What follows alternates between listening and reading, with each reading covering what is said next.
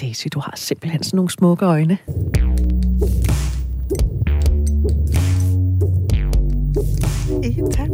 Og det siger jeg jo, fordi i en udsendelse, der blev sendt den 22. januar, der talte vi om øh, deller og folder, og der talte vi blandt andet om, ja ja, vi er rigtig gode til at finde de ting ved os, som ikke måske vi er så glade for, men hvad vi så til gengæld glade for. Og der sagde du dine øjne. Det er rigtigt, det gjorde mm. jeg nemlig.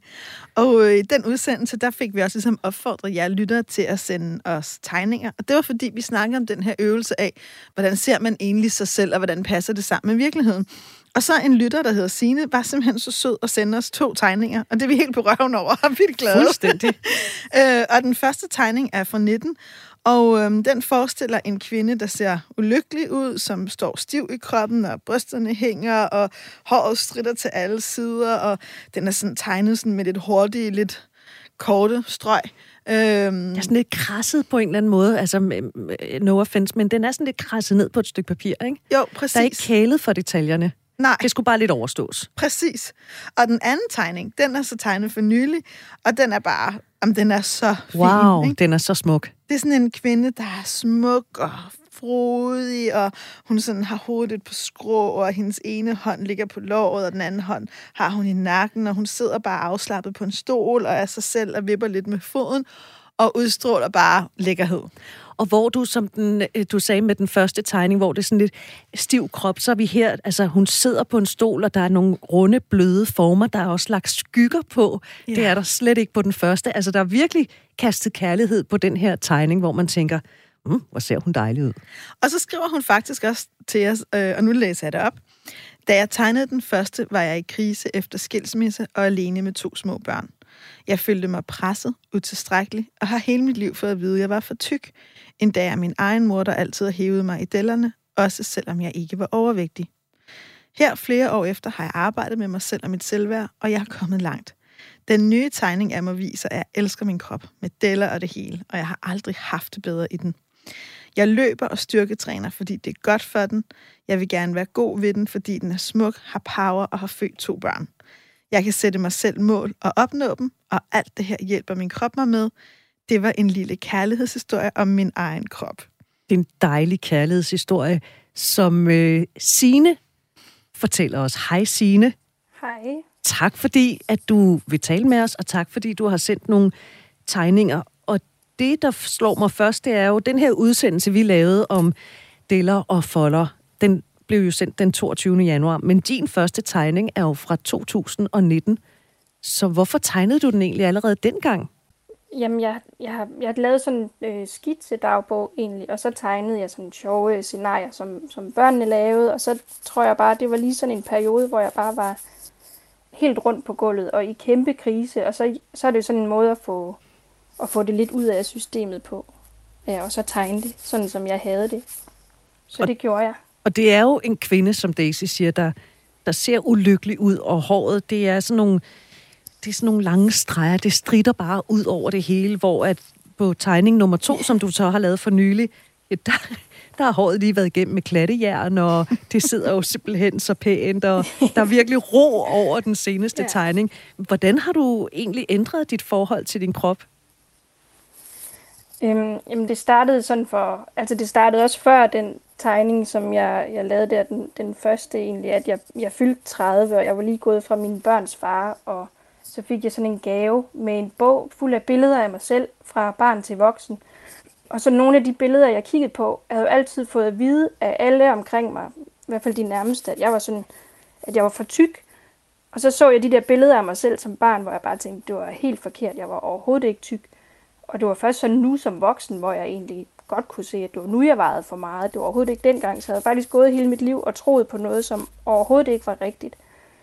Og så følte jeg sådan lidt, at at det var sådan lidt urimeligt over for min krop, når det jo faktisk ikke havde været rigtigt, så jeg havde lyst til at, at gøre noget ved øhm, den følelse der af at være urimeligt behandlet, og af at min krop faktisk ikke fortjente den der følelse af, at den var for tyk, for det havde den i hvert fald ikke altid været.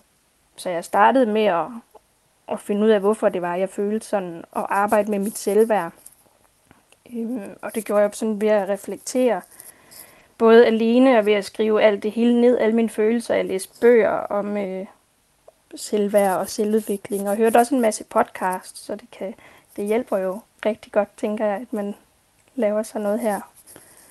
Ja, og så fik jeg, har jeg sådan fået det bearbejdet stille og roligt. Øhm, jeg havde lyst til, at, at det sådan stemte overens, både den måde, jeg følte, den person, jeg følte, jeg var inde i egentlig, og så også den person, jeg så så i spejlet udenpå, og den, jeg havde set på de billeder der. Var det bare livsbekræftende? nå, og jeg, og jeg, kan, det, nå, jeg kan virkelig genkende meget det, du siger, både noget af det fra mit eget liv, og noget fra nogle af mine klienter, at der er så mange af os, der har følt, at vi var for tykke altid, også når vi ikke var det.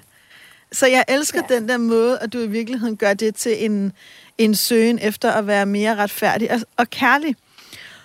Og noget af det, jeg synes også, der er værd ligesom at, at highlight også, som jeg, jeg tænkte på, at jeg så de her to billeder, det er, det er jo ikke fordi, du har fået en radikal anden krop, tænker jeg. Men jeg hører meget, at du ser på dig selv og din krop med, med mildere og kærligere øjne.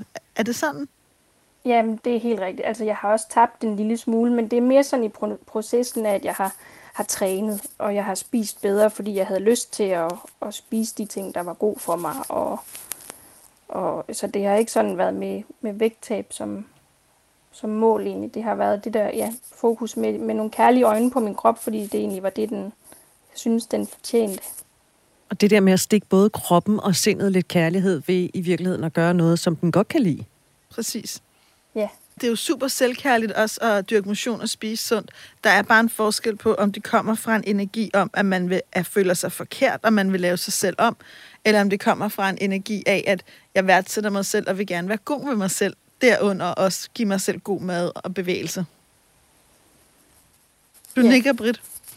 Jamen, jeg har jo også oplevet det der med at ikke føle mig godt tilpas i min krop. Sådan har jeg det jo stadigvæk. Men så har jeg kunnet relatere det til, hvad det er, jeg har udsat den for. For eksempel, at jeg ikke har behandlet den særlig pænt, at jeg har spist en masse junk og rent ud sagt lort, at jeg måske ikke har fået dyrket noget motion. Tingene hænger sammen, og i det øjeblik, jeg så begynder at give min krop lidt mere kærlighed, lidt ligesom Sina har gjort, ikke med henblik på, at jeg skal tabe mig, eller jeg skal en hel masse, men fordi min krop, den fortjener sgu da bedre, end ja. at blive overdænget med alt muligt hø og... Præcis. Hvad? Vores krop fortjener bedre, og vores sjæl fortjener bedre. Og jeg håber, du er okay at spørge dig, Signe, ellers siger du bare nej. Hvis der sidder nogen derude nu og lytter med, og det ved jeg, der gør, og stadigvæk sidder og er der, hvor du var på et tidspunkt, og har det mega svært med sig selv, hvad kunne du så sige til hende, der lige nu er der, hvor du var i 19? Øhm, altså, jeg vil starte med at spørge, hvorfor. Finde ud af, hvorfor er jeg egentlig der, hvorfor har jeg det sådan. Og så øh, et billede, der virkede rigtig godt for mig. Det var sådan en, jeg tror det er et joke eller et ordsprog, der lyder sådan, øh, hvordan spiser man en elefant? Og svaret det er, at det gør man en bid ad gangen, så man behøver ikke sådan, tanken er bare, at man behøver ikke at kunne det hele på én gang, eller have svar, alle svar på én gang. Man kan sådan tage det en lille bid ad gangen, alt efter hvad man har, har, har lyst til, og ja, hvad man har sådan... lidt mere til sin krop og hvad man har overskud til, fordi det kræver også noget, det der med at give sig selv selvkærlighed, fordi jeg tror, mange af os er vant til at gøre det modsatte. Præcis. Og så er vi jo tilbage til, nu kigger jeg på dig, Britt, øh, dem, der har fulgt med i vores programmer, ved jeg engang, men har haft udfordret Britt til at røre med sig selv, oh. og vi er stadigvæk. Men, men vi kan jo starte med en enkelt finger, der kører lidt på håndryggen, og så kan vi sådan langsomt øh, bygge det ud. Og det gælder både selvkærlighed eller at tegne. Vi starter med en streg, og langsomt bliver den bedre. Mm. men Signe, du har i hvert fald, øh, har du fået et hele elefanten nu? Det ser sådan ud på din tegning i hvert fald. Øhm, Jamen, det, det tror jeg. Altså, jeg udfordrer stadig mig selv en gang imellem med nogle forskellige ting, men det synes jeg også er med til at bygge selvværd op, at så kan jeg se, at jeg kan godt de her ting. Og så gør jeg det igen i sådan i, i små bidder. Øhm, ja, og jeg kommer lige til at tænke på, når du siger det, Britt, og når du siger det, Signe, at en tanke, der egentlig har støttet mig, er, at man måske æder elefanten, men så opdager man, at der var en elefant til. og det er måske okay. Ikke? Altså, ja. Det er jo ikke nødvendigt for mig, at sige, mit eget forhold til min krop i forhold til kropskram, fra kropskram til kærlighed, er ikke en lige linje. Det har også været en linje, hvor jeg er gået frem og er blevet bedre til at forstå, hvad sker der egentlig i mit liv? Hvordan influerer det min krop? For jeg har taget mig af mine egne følelser, for jeg passer godt på min krop. Og så har jeg nogle gange oplevet at tænke, hey, jeg, jeg synes, jeg er et helt andet sted. Jeg kan virkelig mærke, at jeg har knækket noget. Og så har jeg også opdaget at gå tilbage og tænke, men, men, men nu har jeg mistet det hele igen. Og det er okay. Og når jeg deler det lige nu, så er det også for at sige til dig, der lytter med, at det er en del af livet, at vi går frem og tilbage, og det er okay, men selv med de små tilbageskridt, der er, hvis du bliver ved med at gå selvkærlighedens vej, så kommer du langt videre, end hvor du var, når du for eksempel kigger nogle år tilbage.